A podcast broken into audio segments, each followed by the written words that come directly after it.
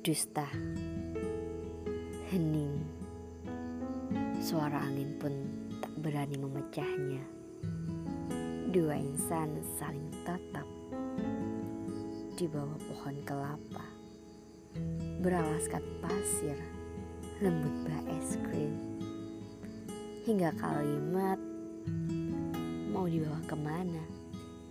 Kalau ujungnya bukan pernikahan, mending udahan. Disusul suara bukan siul.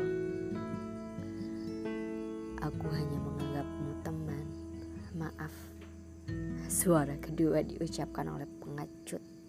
Terlalu takut akan rasa yang dirasa dan jatuh pada dusta.